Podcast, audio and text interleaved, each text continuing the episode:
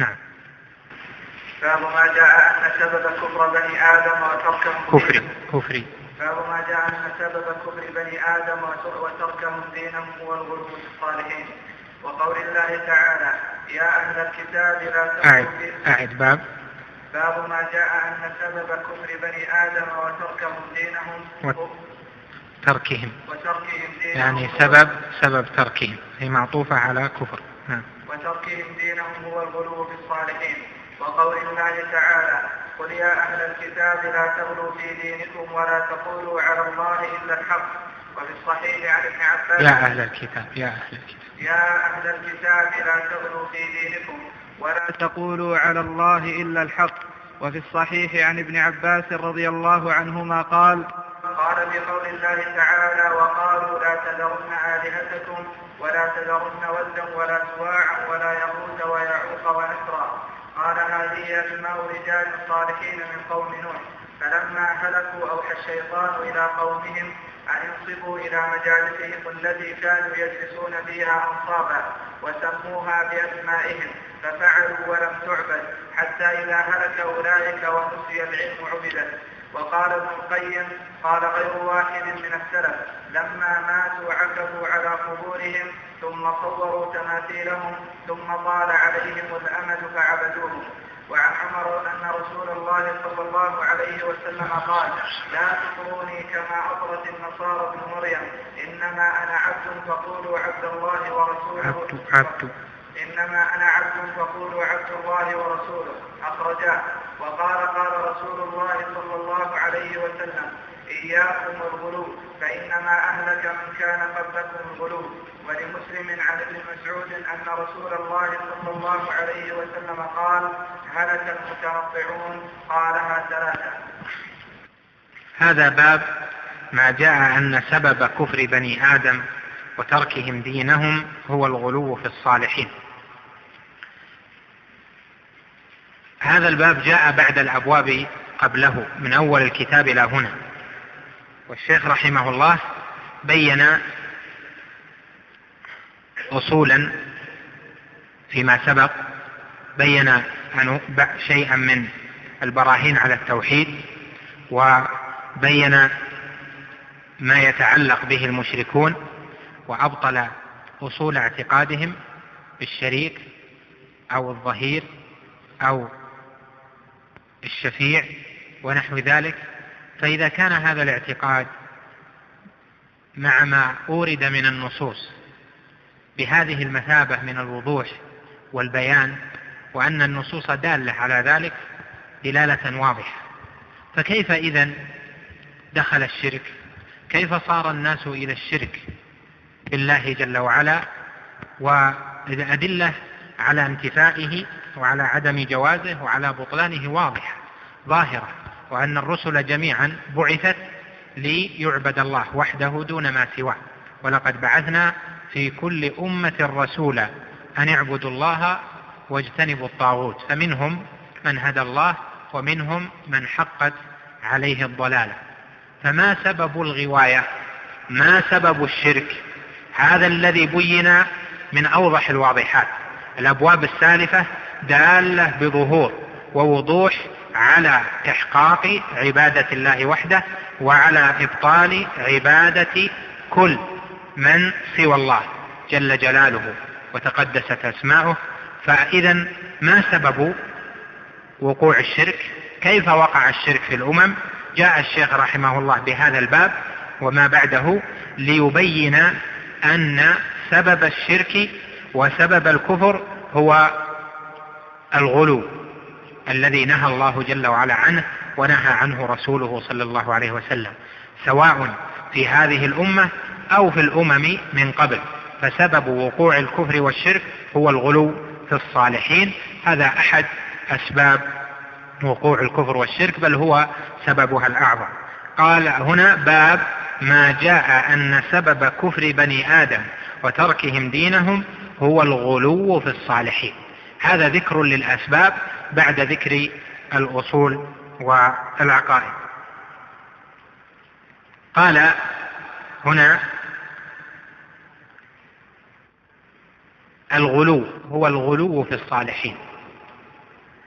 الغلو مأخوذ من غلا في الشيء يغلو غلوا إذا جاوز به حده. وقد جاء في الحديث أن النبي صلى الله عليه وسلم لما رمى الجمرات بحصيات قال بمثل هذه فرموا وإياكم والغلو. يعني مجاوزة الحد حتى في حجم تلك الحصاة وفي مقدار الحصى. قال بمثل هذه فرموا. فإذا جاوز في المثلية بأن رمى بكبيرة فإنه قد غلا يعني جاوز الحد الذي حد له في ذلك. فإذا الغلو هو مجاوزة الحد.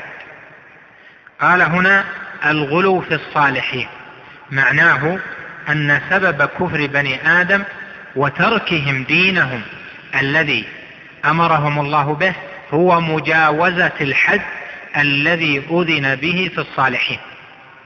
والصالحون يشمل الأنبياء والرسل ويشمل أيضا الأولياء ويشمل كل من اتصف بالصلاح ويشمل كل من اتصف بالصلاح في الأمم. وأصل كلمة الصالحون أصلها جمع الصالح. والصالح هو اسم من قام به الصلاح. والصلاح في الكتاب والسنة تارة يكون بمعنى نفي الفساد ما يقابل الفساد وتارة يكون بمعنى ما يقابل السيئات. فيقال صالح بمعنى ليس بذي فساد ويقال أيضا صالح بمعنى ليس بسيء فهذا جاء وهذا جاء. والصالحون هنا المراد بهم أهل الصلاح يعني أهل الطاعة والإخلاص لله جل وعلا الذين اجتنبوا الفساد واجتنبوا السيئات. وهم الذين اشتركوا في فعل الطاعات وترك المحرمات أو كانوا من السابقين بالخيرات. فاسم الصالح يقع شرعا على المقتصد وعلى السابق بالخيرات فالمقتصد صالح والسابق بالخيرات صالح وكل درجات عند الله جل وعلا. قال هو الغلو في الصالحين يعني مجاوزة الحد في الصالحين. ما هو الحد الذي أذن به الشرع في الصالحين حتى نعلم ما الذي يكون مجاوزة له؟ الصالحون أذن في حقهم بأن يحبوا في الله وأن يوقروا في الله وأن يقتدى بهم في صلاحهم وفي علمهم وإذا كانوا من الرسل والأنبياء فإنهم يؤخذ بشرائعهم وبما أمروا به ويتبع ذلك ويقتدى بآثارهم هذا هو الحد الذي أذن به. احترام ومحبة وموالاة لهم ودفع عنهم ونصرة لهم ونحو ذلك من المعاني. أما الغلو فيهم بأن يجاوز ذلك الحد فهو بحر لا ساحل له. فمما حصل من الغلو فيهم أنهم جعلت فيهم خصائص الإلهية. جعل في بعض البشر أنه يعلم سر اللوح والقلم وأنه من جوده الدنيا وضرتها. كما قال البوصيري في قصيدته المشهورة فإن من جودك الدنيا وضرتها ومن علومك علم اللوح والقلم.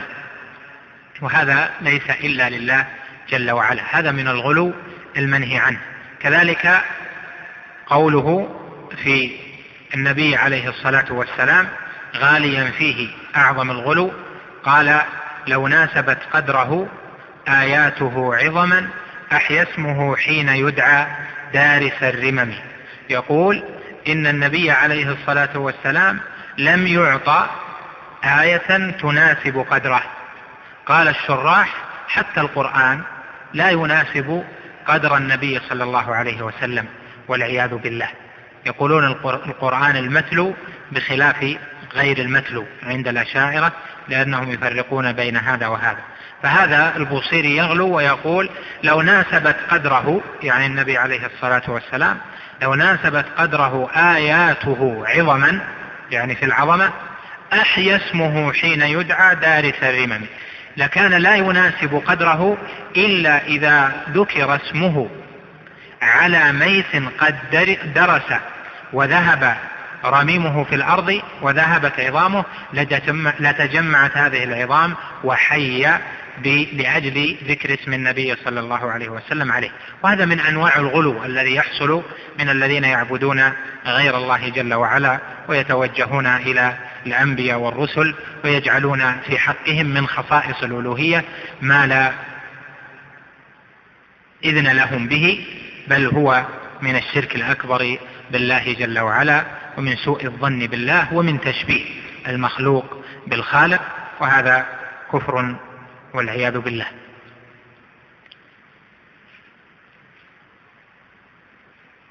يقابل ذلك هناك حد مأذون به وهناك غلو والحالة الثالثة الجفا.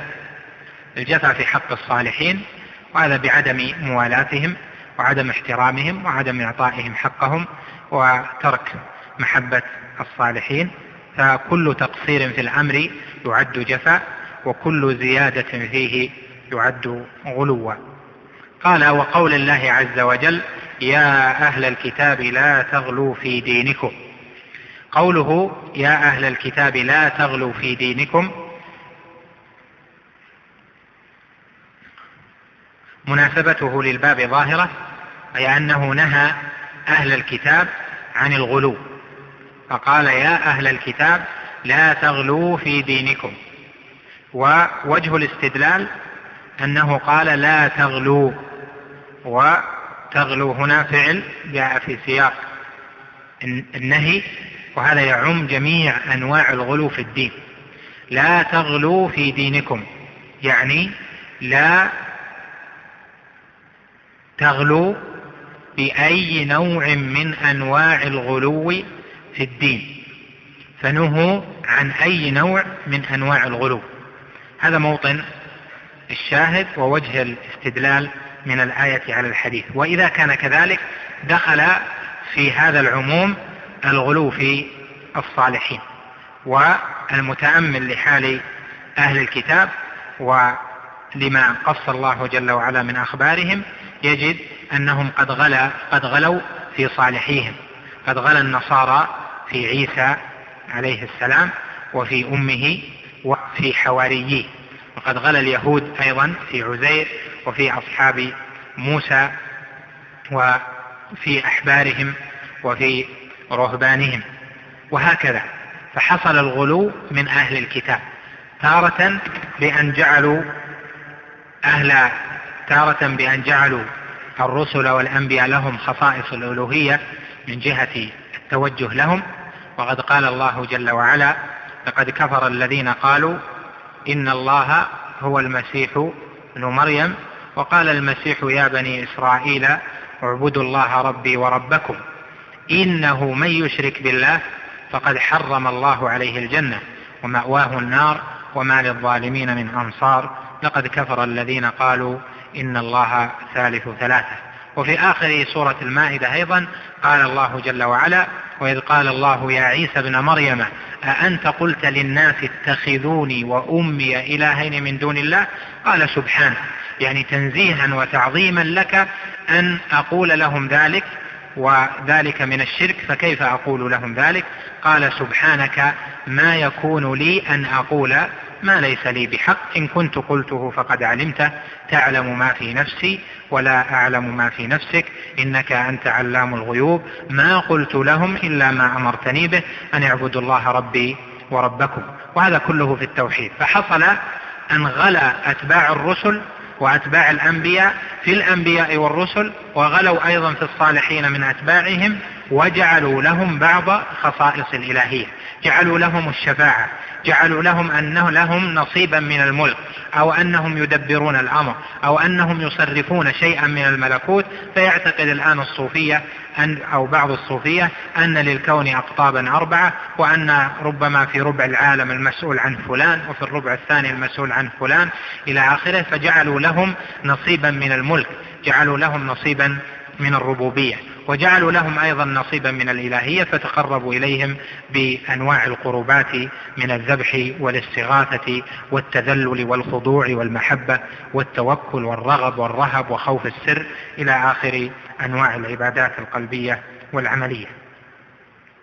قال رحمه الله وفي الصحيح عن ابن عباس رضي الله عنهما في قول الله تعالى وقالوا لا تذرن آلهتكم ولا تذرن ودا ولا سواعا ولا يغوث ويعوق ونسرا وقد أضلوا كثيرا.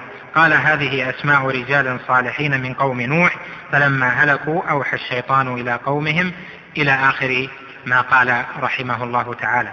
هذه القصة أو هذا الأثر عن ابن عباس رضي الله عنهما محمول على الرفع. لأن هذا خبر غيبي وهذا الخبر الغيبي فيه أنه لا يستقى إلا من مشكاة النبوة. و ود وسواع ويغوث ويعوق ونسر هذه أسماء رجال صالحين من قوم نوح. نوح عليه السلام أتى بالرسالة بأن يعبد الله وحده دون ما سواه بالتوحيد. فكيف دخل الشرك في قوم نوح؟ في القرآن ذكر لأصلين من أصول الشرك وثم غيرهما أيضا. الأصل الأول شرك قوم نوح والأصل الثاني شرك قوم إبراهيم. وشرك قوم نوح كان بالصالحين بالغلو في الصالحين وأرواح الصالحين. فجاءهم الشيطان من جهة روح ذلك العبد الصالح وأثر تلك الروح وأن من تعلق به فإنه يشفع له. ثم ساقهم من ذلك التعظيم إلى الصور والأنصاب والأوثان والأصنام. والنوع الثاني شرك قوم إبراهيم. وذلك شرك في تأثير من جهة النظر في الكواكب ومن يؤثر ويحرك. فهذا شرك في الربوبية وما تبعه من الشرك في الألوهية لأنهم جعلوا لتلك الكواكب أصناما وجعلوا لها صورا وجعلوها أوثانا فعبدوها من دون الله جل وعلا وتوجهوا إليها. وأما قوم نوح فكان شركهم في الصالحين في الغلو في الصالحين. كما قال ابن عباس هنا في بيان أصل وقوع هذا الشرك فلما هلكوا أوحى الشيطان إلى قومهم أن ينصبوا إلى مجالسهم التي كانوا يجلسون فيها أنصابا وسموها بأسمائهم ففعلوا ولم تعبد حتى إذا هلك أولئك ونسي العلم عبدت.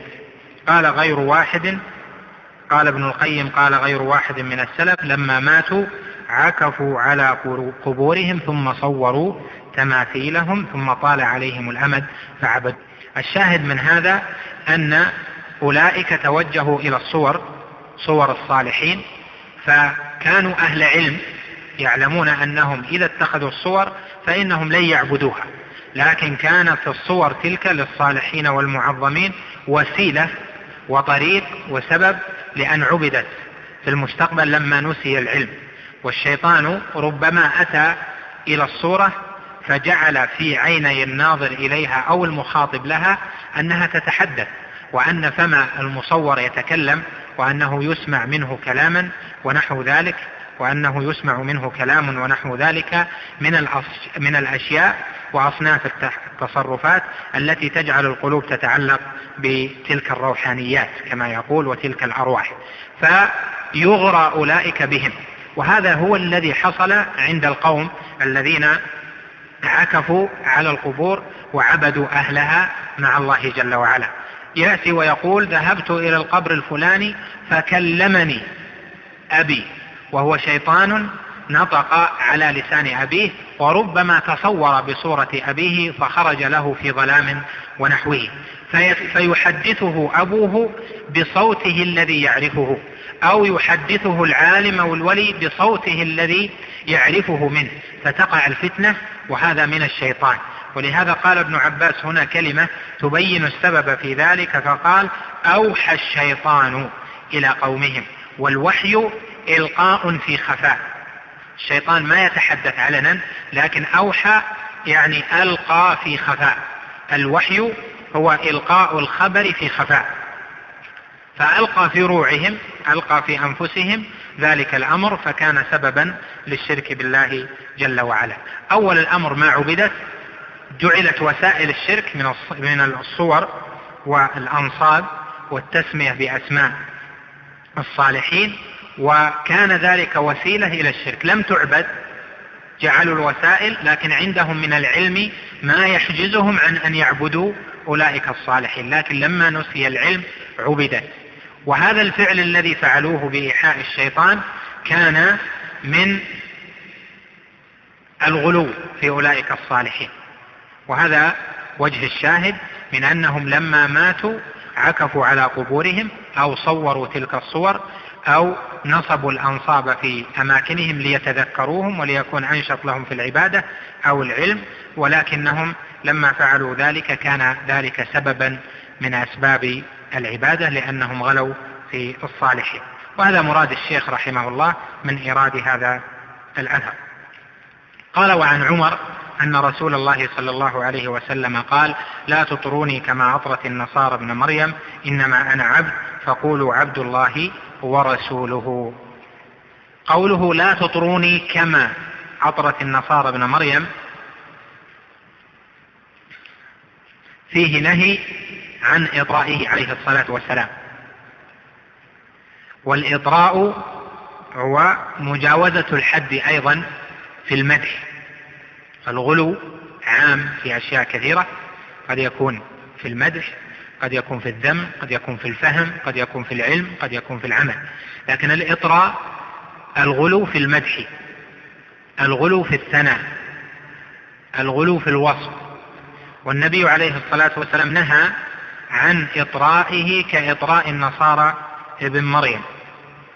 وقال إنما أنا عبد فقولوا عبد الله ورسوله. قوله هنا كما أطرت النصارى ابن مريم الكاف هنا بعض الناس يظن أنها كاف.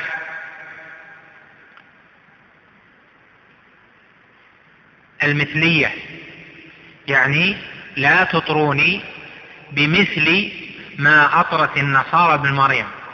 ويقول إن النصارى أطرت ابن مريم في شيء واحد وهو أن قالوا إنه ولد لله جل وعلا.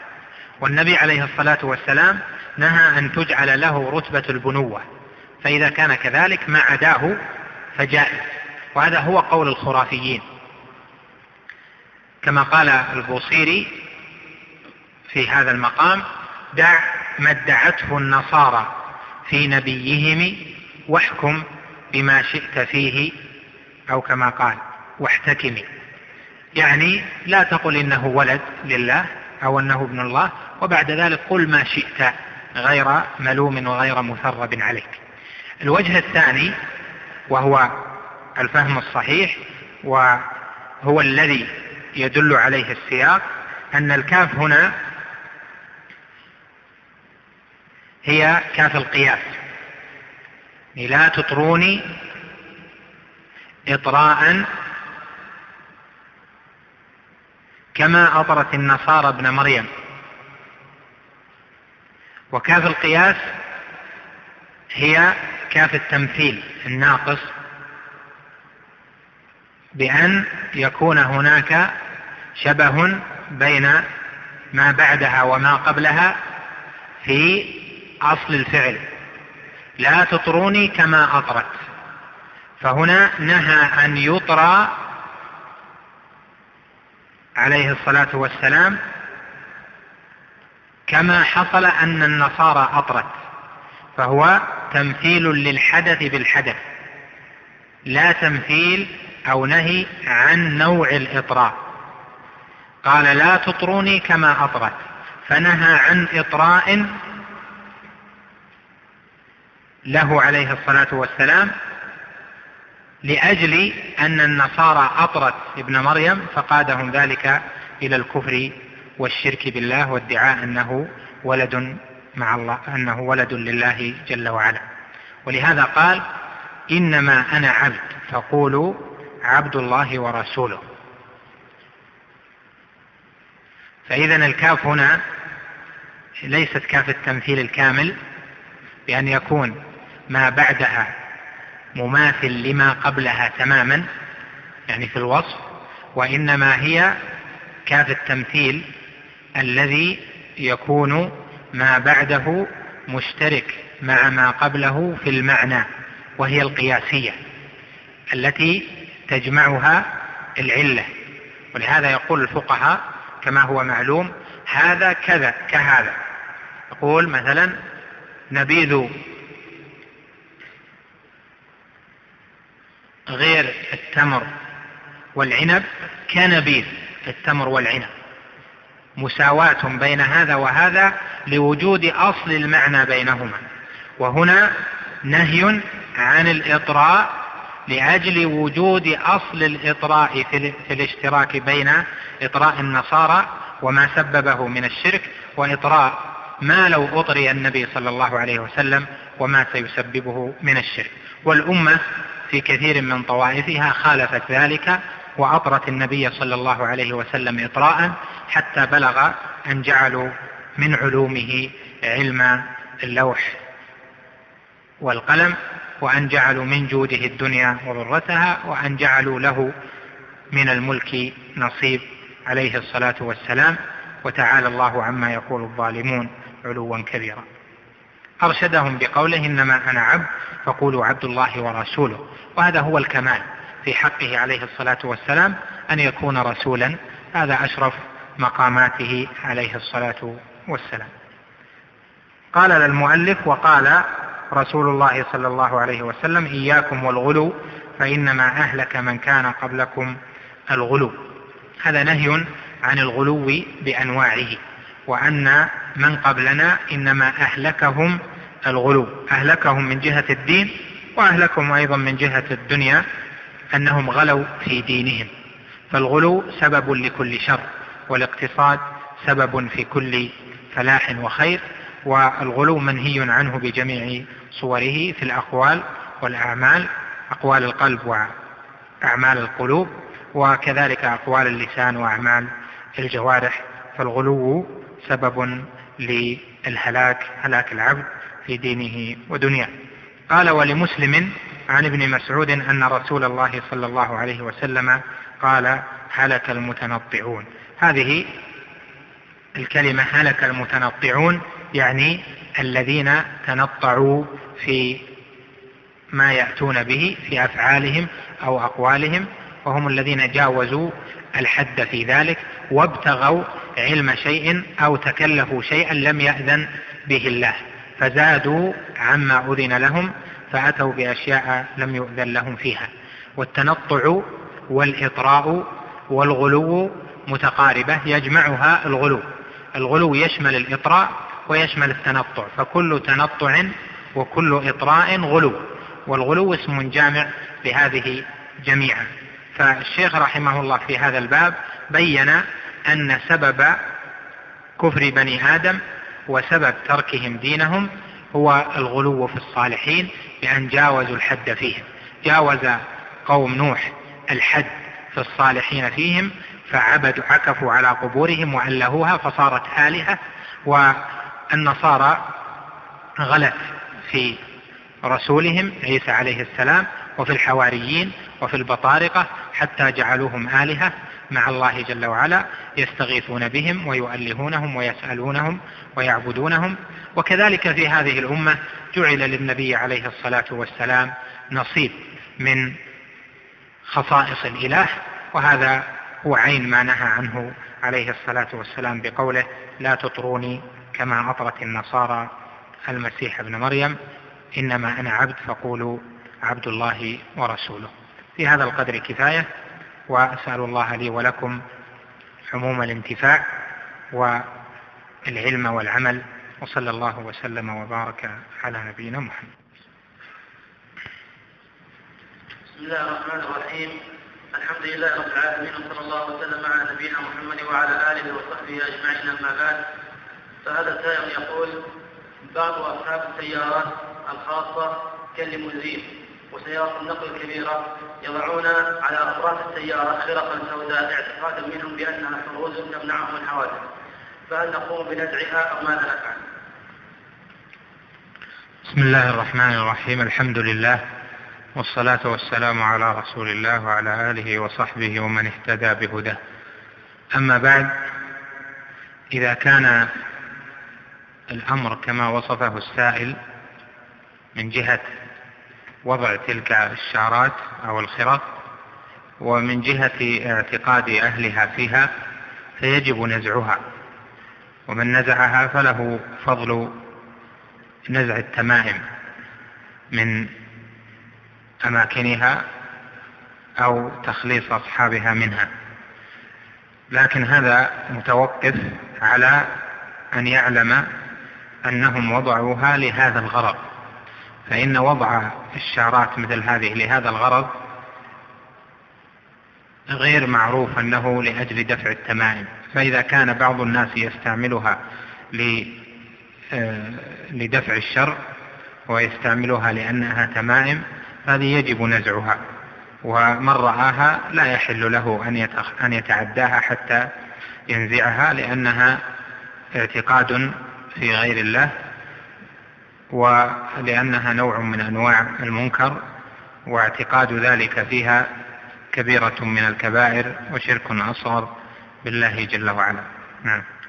وهذا السائل يقول كيف نخرج قول النبي صلى الله عليه وسلم لولا أنا لكان عمي في الدرك الأسفل من النار. هذا يأتي في بابه إن شاء الله تعالى ضبط القاعدة في ذلك وهو أن قول القائل لولا فلان لكان كذا منع منه وصار شركا لفظيا ونوع تشريك لأنه نسبة للنعمة لغير الله جل وعلا. يقول لولا فلان لأصابني كذا ولولا فلان أنه كان جيدا معي لكان حصل لي كذا وكذا. أو لولا السيارة أنها قوية لكان هلكت. أو لولا كذا لكان كذا. مما فيه تعليق دفع النقم أو حصول النعم بأحد من المخلوقين. والواجب على العباد أن ينسبوا النعم إلى الله جل وعلا لأنه هو الذي يسدي النعم. قال جل وعلا في سورة النعم وما بكم من نعمة فمن الله ثم إذا مسكم الضر فإليه تجأرون. وقال جل وعلا أيضا في نفس في السورة نفسها يعرفون نعمة الله ثم ينكرونها. فالواجب على العبد المسلم أن ينسب النعم استاء وتفضلا وإنعاما لله جل وعلا وأن يتعلق قلبه بالذي جعل تلك النعم تصل إليه. والناس أو الخلق والأسباب إنما هي فضل من الله جل وعلا جعلها أسبابا. ففلان من الناس جعله الله سببا لكي يصل إليك النفع عن طريقه أما النافع في الحقيقة فهو الله جل وعلا. إذا اندفعت عنك نقمة فالذي دفعه هو الذي دفعها هو الله جل وعلا بواسطة سبب ذلك المخلوق إما آدمي وإما غير آدمي. فيجب نسبة النعم إلى الله جل وعلا. فلا تنسب نعمة لغيره سبحانه ومن نسبها لغيره سبحانه فهو داخل في قول الله جل وعلا يعرفون نعمة الله ثم ينكرونها. وأما الحديث الذي في الصحيح من أن النبي صلى الله عليه وسلم سئل هل نفعت عمك أبا طالب هل نفعت عمك أبا طالب بشيء؟ قال هو في ضحضاح من النار ولولا أنا لكان في الدرك الأسفل من النار. قوله عليه الصلاة والسلام لولا أنا هذا فيه ذكر لعمله عليه الصلاة والسلام. وافترق عن قول القائل لولا فلان لحصل كذا من جهتين. الجهة الأولى أن ذلك القائل هو الذي حصلت له النعمة أو, حصل أو اندفعت عنه النقمة. والنبي صلى الله عليه وسلم هنا يخبر عن صنيعه بعمه وأن عمه اندفعت عنه النقمة. فذاك في المتحدث الذي تعلق قلبه بالذي نفعه أو دفع عنه الضر. وأما قول النبي صلى الله عليه وسلم فهو إخبار عن نفعه لغيره فليس فيه تعلق القلب في اندفاع النعمة في اندفاع النقمة أو حصول النعمة بغير الله جل وعلا. هذا وجه. فيكون إذا معنى ذلك أن الوجه الذي نهي عنه العلة التي من أجلها نهي عن قول لولا أنا أن يكون فيها نسبة النعمة إلى غير الله من جهة تعلق القلب بذلك الذي حصل له النعمة. وهذا غير وارد في قول النبي عليه الصلاة والسلام لولا أنا لكان في الدرك الأسفل من النار لأنه عليه الصلاة والسلام ليس هو الذي حصلت له النعمة وإنما هو مخبر عن فعله لعمه. الوجه الثاني في ذلك أن النبي عليه الصلاة والسلام قد بين أن نفعه لعمه من جهة الشفاعة فهو يشفع لعمه حتى يكون في ضحضاح من نار. فقوله لولا أنا لكان في الدرك الأسفل من النار يعني لولا شفاعتي. ومعلوم بنصوص الشرع أنه عليه الصلاة والسلام يكرم بالشفاعة ويعطى الشفاعة فهو سائل وهو سبب من الأسباب. والمتفضل حقيقة هو الله جل وعلا.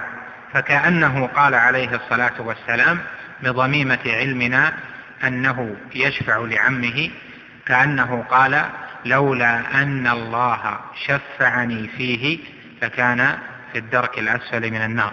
فليس فيه بالوجهين جميعا تعليق للقلب بغير الله جل وعلا في حصول النعم أو اندفاع النقم مما يكون في قول القائل لولا فلان لحصل كذا أو لولا السيارة لحصل كذا أو لولا الطيار لحصل كذا أو لولا البيت كان محصنا لحصل كذا. ونحو ذلك مما فيه تعلق قلب من حصلت له النعمة بالمخلوقين. والله أعلم.